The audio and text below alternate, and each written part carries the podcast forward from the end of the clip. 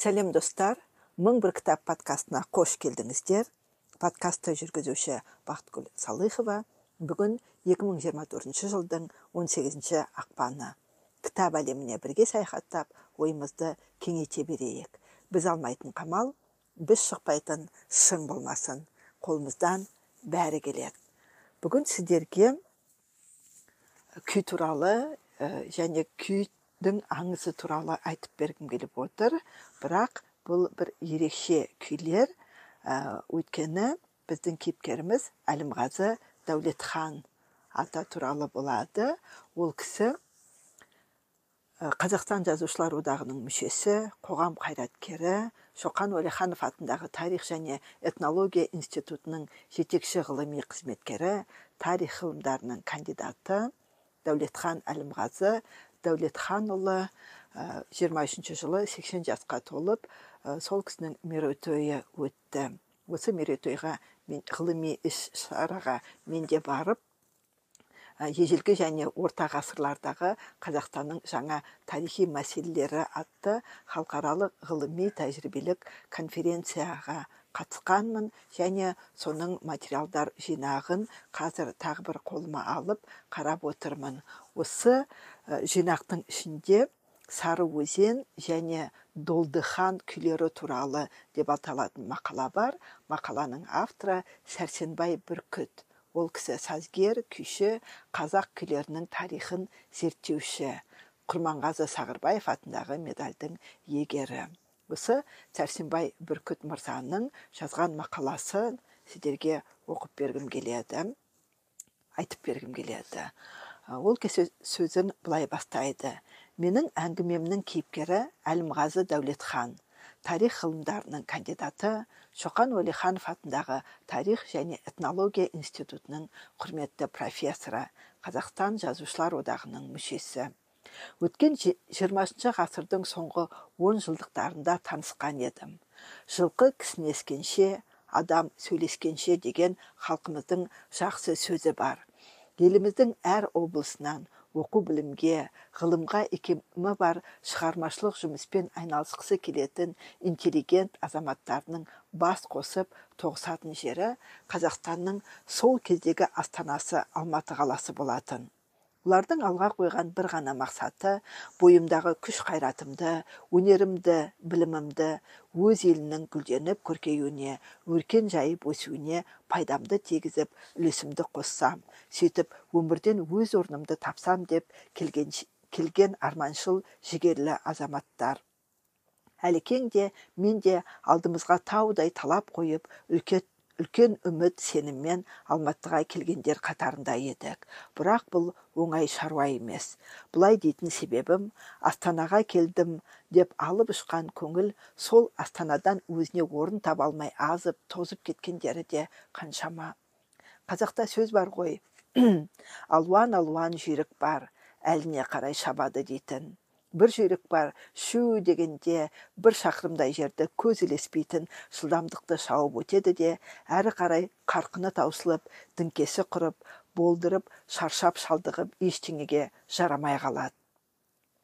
Ал екінші бір жүйрік бар шу дегенде садақтың оғындай зу ете түспесе де уақыт өткен сайын қарқынын күшейтіп екпінін үдете түседі.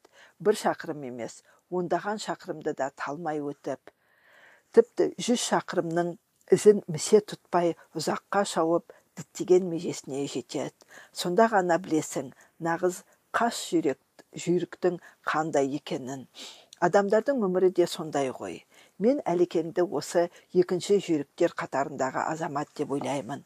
Бойына біткен жігер күштің арқасында қанаты талмай ұшқан қыран құстай бүгінгі биіктігі 80 жастың гіріне шыққан дана ақылгөй алдыңғы толқын ағамыз. Өз халқының ежелгі дүние тарихынан бастап бүгінгі тарихына дейінгі аралықты толық білетін өзіндік келбеті бір тұлғалы азаматтарымыздың бірі. Бұған әлекеңнің том том кітаптары айғақ.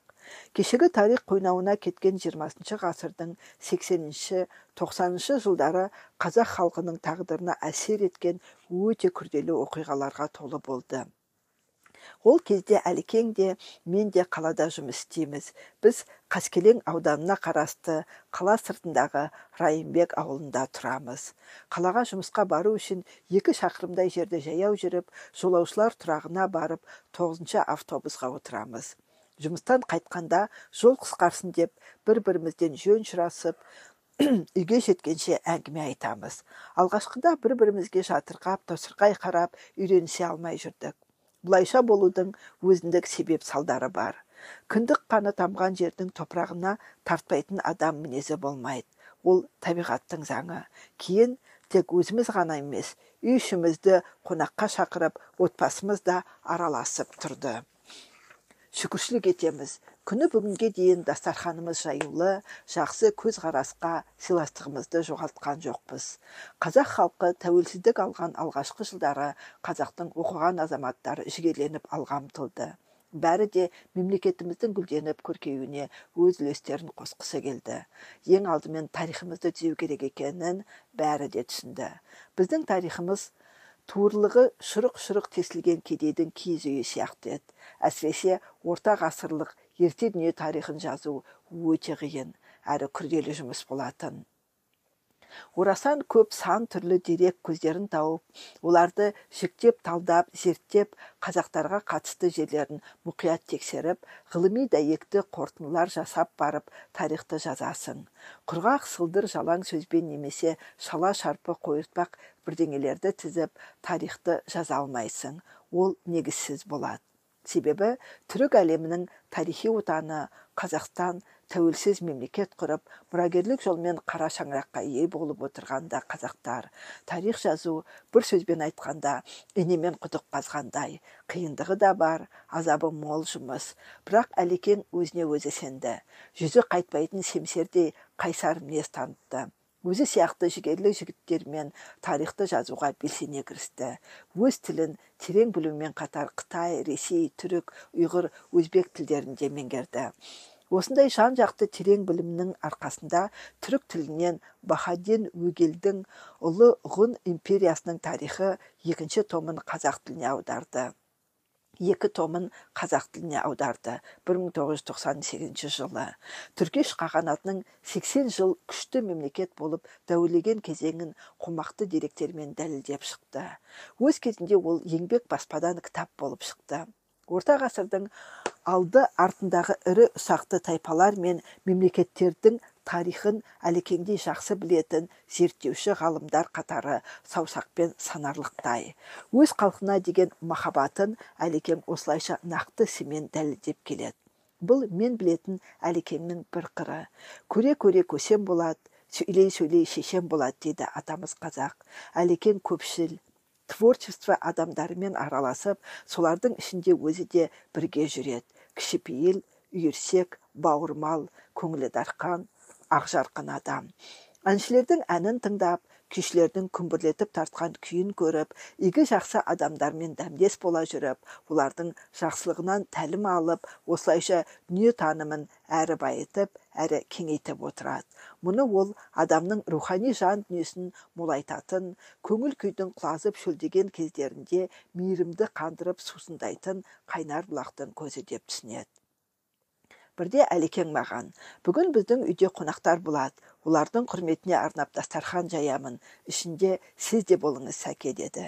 Келген қонақтардың арасында қазақтың көрнекті ақын қызы марфуға айтқожина да бар екен.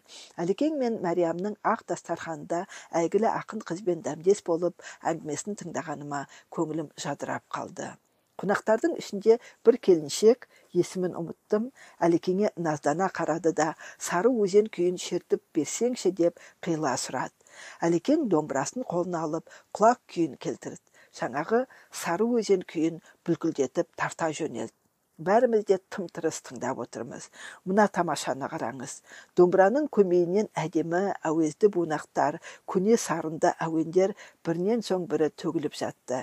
Әлекең не қарап едім ол күй сазына әбден беріліп шертіп отыр екен қонақтар сал сары өзенді бұрыннан тыңдап жүрген болса керек. Әлекеңе көңілдері көтеріліп риза болды. Мен болсам бұл күйді бірінші рет тыңдап отырмын. Әрі домбыраны бір кісідей ақ жап жақсы тартады екен деп әлекеңе риза болдым. Қонақтар кеткен соң ой әлеке мына сары өзен жақсы күй кімнен үйрендің? деп сұрадым. Әлекең болса осы күйді нотаға түсіресің бе? деді. Онда ертең мәриям екеуіңіз біздікіне келіңіз. Сол жерде нотаға түсірейін дедім. Ертеңіне уәделескен мезгілде екеуі біздікіне келді. Дереу күйді нотаға түсіруге кірістік. Ет піскенше біз де күйді түсіріп болдық. Сол күні сары өзен күйін түсірген нота дәптерімнің шекесіне былай деп жазыппын. Халық күйі сары өзенді орындаған әлімғазы 1944 жылы туған. Бұл күйді 1964 жылы тарбағатайлық студент хамид даярдан үйренген. Өз үйімде мен бұл күйді әлекеңнің орындауында қолма қол жаздым және үйреніп алдым. 11 желтоқсан 1994 жыл райымбек деп жазып қойыппын. Әлекеңнің айтуынша қытайша хуаң жыл хуаң сары хе өзен. Бастауын моңғол үстірттерінен алады депті. Қазақтың қасиетті қара домбырасының арқасында жақындасып бір бірімізді бұрынғыдан да жақсырақ біле бастадық. Тағы бірде әлекең бұрынырақта біздің ұрпағымызда үлімжі деген әжеміз болған екен. Ол кісі өте ақылды ауыл аймаққа қадірлі әрі өнерлі адам болыпты. Домбыраны жақсы тартады өз жанынан күй шығаратын өнері де болған. Сол әжеміздің долдыхан деген күйі бар еді соны нотаға түсірсек қайтеді деді. Жарайды деп дереу күйді нотаға түсірдік. Долдыхан күйінің әуені ерекше екен. Мен мұндалап ана тілімізде сөйлеп тұр. Арғы беттегі шетелден көшіп келген әлекеңнің туған інісі сасан да долдыхан күйін тартады екен. Оны да нотаға түсірдім әлекең мен сасан тартқан екі нұсқада бір бірінен айырмашылығы жоқ. Тек әуезді ырғақтарында сәл пәл өзгешелік бар. Мені таңдандырған бір нәрсе. Күй сазының көнелігі ертеректе шыққан күй сияқты ғой дедім. Әлекең күлімсіреп маған қарады да долдыхан күйінің аңызы және үлімжі әжейдің өмірбаянын айтып берді. Үлімжі әже жас кезінде үріп ауызға салғандай көрікті сұлу кісі екен. Көркіне ақылы сай оның үстіне домбыра шертіп ән салатын өнерлі алысты жақын етіп ағайынды тату еткен көсемдігі бар кісі екен. Үлімжі әженің бүгінгі ұрпақтары әлімғазы шәріпқазы сасан және тағы басқалар долдыхан күйін көздің қарашығындай сақтап мұрагерлік жолмен бүгінгі біздерге жеткізді. Халық күйі сары өзенді қазақ күйлерінің тарихы 2000 жылы шыққан оқулық кітапқа енгіздік. Ал үлімжі әженің додыхан күйін домбыра өнерін дамытудың мемлекеттік бағдарламасына кіргіздім. 1998 жылы шыққан. Өткен ғасырдың 20 жылдары ахмет байтұрсыновта әдемі әуенді байырғы сарынды екі халық күйін айда бұлпым мен тепен көкті өзінің орындауында затаевичке нотаға түсірткен екен. Мен де осы дәстүрді жалғастырғаныма көңілім толады. Әлекеңнің бойында арғы ата бабасынан келе жатқан әншілік күйшілік жыршылық өнердің қасиеттері бар екен. Өзі шығарған бірнеше әуенді күйлері әуезді әндері бар. Ән салатын әдемі қоңыр дауысы да бар. Жігітті сегіз қырлы бір сырлы деп мақтап жатамыз ғой. Осы бір теңеуді әлекеңе қарата айтсақ жарасатын сияқты. Өнер алды қызыл тіл деп шешендік өнерді қазақтар барлық өнердің алды деп түсінеді. Көмекей әулие деп үлкен баға беріп отырған. Әлекеңнің бойында арғы ата бабасынан келе жатқан шешендік өнердің киесі бар. Өзін мен қазақпын деп жүрген ағайындар өзінің ана тілін осы әлекеңдей терең білуге құрметтеуге міндетті деп ойлаймын. Бұл мен білетін әлекеңнің екінші қыры. Ал музыка өнеріне икемдігі арғы ата бабасынан келе жатқан дәстүр. Жалпы қазақ музыкасының тамыры тереңде жатқан текті өнер. Оның қаймағын бұзбай ұлттық бояуын жоғалтпай сақтай отырып әрі қарай дамыту керек екенін әлекең жақсы түсінеді. Сондықтан қазақтың ән күйіне араша түсіп балапанын қорғаған торғайдай мазасызданып жүргеніне талай рет куә болдым. Бұл мен білетін әлекеңнің тағы бір қыры. Мәселен долдыхан күйі үлімжан әженің күйі жеткізгендер ұрпақтары әлімғазы дәулетхан сасан дәулетхан нотаға түсірген сәрсенбай бүркіт. Күйдің басы әуелеген ырғақпен басталады. Ол такты ішінде екі рет қайталанады. Бұл әуезде байырғы көне сарынды көрсетеді. Енді осы аңызды айтып берейік. Долдыхан күйінің аңызы. Атамыз шылбы көбекұлы мен әкем дәулетханның айтуынша жоңғар халмақтары мен қазақтар арасындағы шапқыншылық пен барымта 19 ғасырда да болып тұрған. Сондай бір жортуылдар кезінде қазақ батырлары мен моңғолдың атақты торғауыт тайпасы арасында болған бір оқиға кезінде қазақтар торғауыттық торғауыттың хан ордасына шабуыл жасап барғанда торғауыт батырлары ордада болмай қалғандықтан қазақтардан қашып құтылмақшы болған әйелдер бесіктегі баласын ала қашқанда қазақтардың қолына түсіп қалады. Ол бала аңыздағы үлімжі ханшаның кіші шешесінен туған бала екен. Сол баланы құтқарып алуға барған үлімжіні қазақтар қоршап ұстап алады да еліне қайтады. Ол замандағы қалыптасқан дәстүр бойынша қолға түскен олжаның ер көрнектісі ханның таласы сыбағасы ретінде бұл ретте олжаға түскен ханның сұлу қызын көрген қызайдың ханы сама төре ханымдыққа алмақшы болады жортуылға барған қазақ батырларының қолбасы сама төренің ата бегі 25 жасар баян батыр да ұнатып өзі алғысы келеді. Осы арада төре мен батыр арасында қатты реніш болады да сама төреге сөзін өткізе алмаған сіргелі баян өзіне ілесіп барған он шақты сарбаздарына мен төре саған ілесіп елімнен жерімнен айырылып келгенде қалаған бір қызымды алуға жарамасам мұнда неғып жүрмін? Төре олай болса төрт қатыныңның үстіне мынаны да ал жігіттер кеттік елге деп айғай салады. Батырдың бұл қаһарына шыдай алмаған сама төре ұлы жүздің ханы әділ төренің баласы кешірім сұрап бас олжаны амалсыздан сіргелі баянға береді. Міне осылайша баян батыр мен үлімжінің жұбайлық өмірі басталады. Үлімжі сұлулығымен қоса бес қаруды қолданудың шебері және моңғолдың пернесіз домбырасын да жақсы меңгерген өнерлі жан еді. Ол сондықтан қазақтың домбырасын да жақсы меңгеріп тұңғыш ұлы бердіқұлдың бесігін тербетіп отырып бір әуендерді сыңсып ылғи жылап отыратын болыпты. Осы күнде көріп жүрген жұбайы баян оны күнде көріп жүрген жұбайы баян неге жылай бересің? Мен сені ренжітетіндей еш нәрсе істеген жоқ едім ғой деп қайта қайта сұрай берген соң жылаудың себебін бұлай айтқан екен. Мен саған ризамын. Ренжіткен жерің жоқ. Сендердің заңдарың бойынша мұсылман болдым перзентті болдым. Менің бір тілегім орындасаң айтайын әкемнің қолында өгей шешеме қараған екі інім бар еді. Өгей шешем оған жөндеп мейірленіп көрмепті. Сол екі інімнің жағдайы не болды екен? Егер мен егер сен мені шын сүйсең сыйласаң әкемнің ордасына барып сол екі інімді сұрап алып келсең екі дүниеде риза болар едім. Оларды да мұсылман қылып осы елге қосар едім дейді.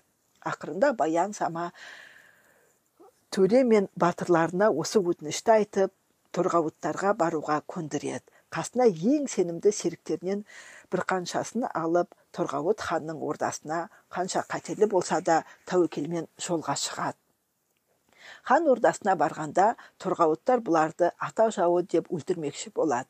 Бірақ хан сүйікті қызының өтінішін жерге тастай алмай келген қазақтарға мынадай ауыр шарт қояды. Баян сені батыр дейді ғой. Шын батыр болсаң менің батырыммен жекпе жекке шық.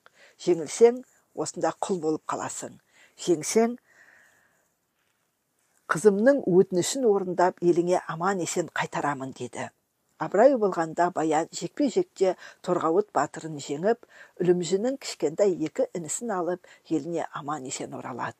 Сол екі сәбиді дәстүр бойынша сүндетке отырғызып мұсылман қылады. Екеуіне жабағы сәмен деген ат қойып бала қылып алады.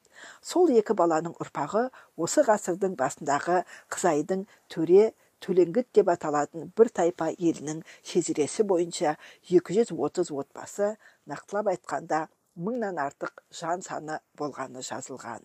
Осындай күрделі тарихы бар үлімжі әжемізден қалған бір қанша ән күй ұмытылмай бүгінге жеткен. Соның бірі сөз болып отырған долдыхан күйі еді. Осы күйдің әуен ырғақтары қазақ сөзінің бунақтары тармақтары мен шумақтарына дәл келеді. Күйдің табиғатына үңіле қарағанымызда үлімжі әжеміздің аса талантты өнерпаз екендігін анық байқауға болады. Енді сары өзен күйі туралы айтайық. Сары өзен күйі туралы. Әлімғазы бізге жеткізген күйдің бірі сары өзен деп аталады. Күйдің табиғатына қарағанда ол біздің арғы аталарымыз ғұндар мен үйсіндердің ұлы қорған сыртындағы әйгілі сары өзен қытайлар куаңхы деп атап кеткен бойында өмір сүрген ғұн үйсіндер яғни біздің жыл санауымыздың алды артында дүниеге келген ата мұрамыз болып табылады. Сондықтан сары өзен күйі қазақ музыкасының ең байырғы керемет үлгілерінің бірі ретінде қаралып оқулықтарға енгізілуі сөйтіп қазақ күйлерінің тарихын 2000 2000 жылдардан бастау керек деп қараймыз дейді аңсау күй. Жоғарыда сөз еткеніміздей күйшілік өнері үлімжі әжеден өрбіген атақты бердіқұл сыбызғышы мен жансейіт молданың туған жиені шылбы көбекұлы және дәулетхан шылбыұлына жалғасып әлімғазы дәулетханұлына және шылбы көбекұлынан тараған ұл қыздарының барлығы дерлік ән мен күйді шебер орындайтын ұрпақтарға мұра болып келеді. Шылбы көбекұлы мен дәулетхан ұлынан әлімғазы арқылы бізге жеткен он шақты ән күй халқымыздың күй қазынасына қосылған қымбатты мұра болып отыр. Біз сөз етіп отырған әлімғазының да онға тарта әні мен бес алты күйі бар. Соның бірі 1990 жылы шыққан аңсау күйін нотаға түсіріп назарларыңызға ұсынып отырмыз. Сонан кейін бұл жинақта долдыхан аңсау өзен күйлерінің ноталары берілген. Бұл мақала ежелгі және орта ғасырлардағы қазақстанның жаңа тарихи мәселелері атты халықаралық ғылыми тәжірибелік конференция материалдарының жинағына кірген. 15 қыркүйек 2023 жыл. Алматыда басылып шыққан жинақ. Осымен мың бір кітап подкастының бүгінгі эпизодын аяқтаймын. Кітап оқып ойымызды шыңдай берейік тарихымызды білейік күйдің тарихын тарихшыларымыздың жазушылардың өмірбаянын оқып біліп білмегенімізді осындай ғылыми конференцияларға шығып жатқан материалдардың жинақтарынан тауып оқып білімімізді кеңейте берейік. Подкастты жүргізген бақытгүл салыхова. Келесі кездескенше сау болыңыздар.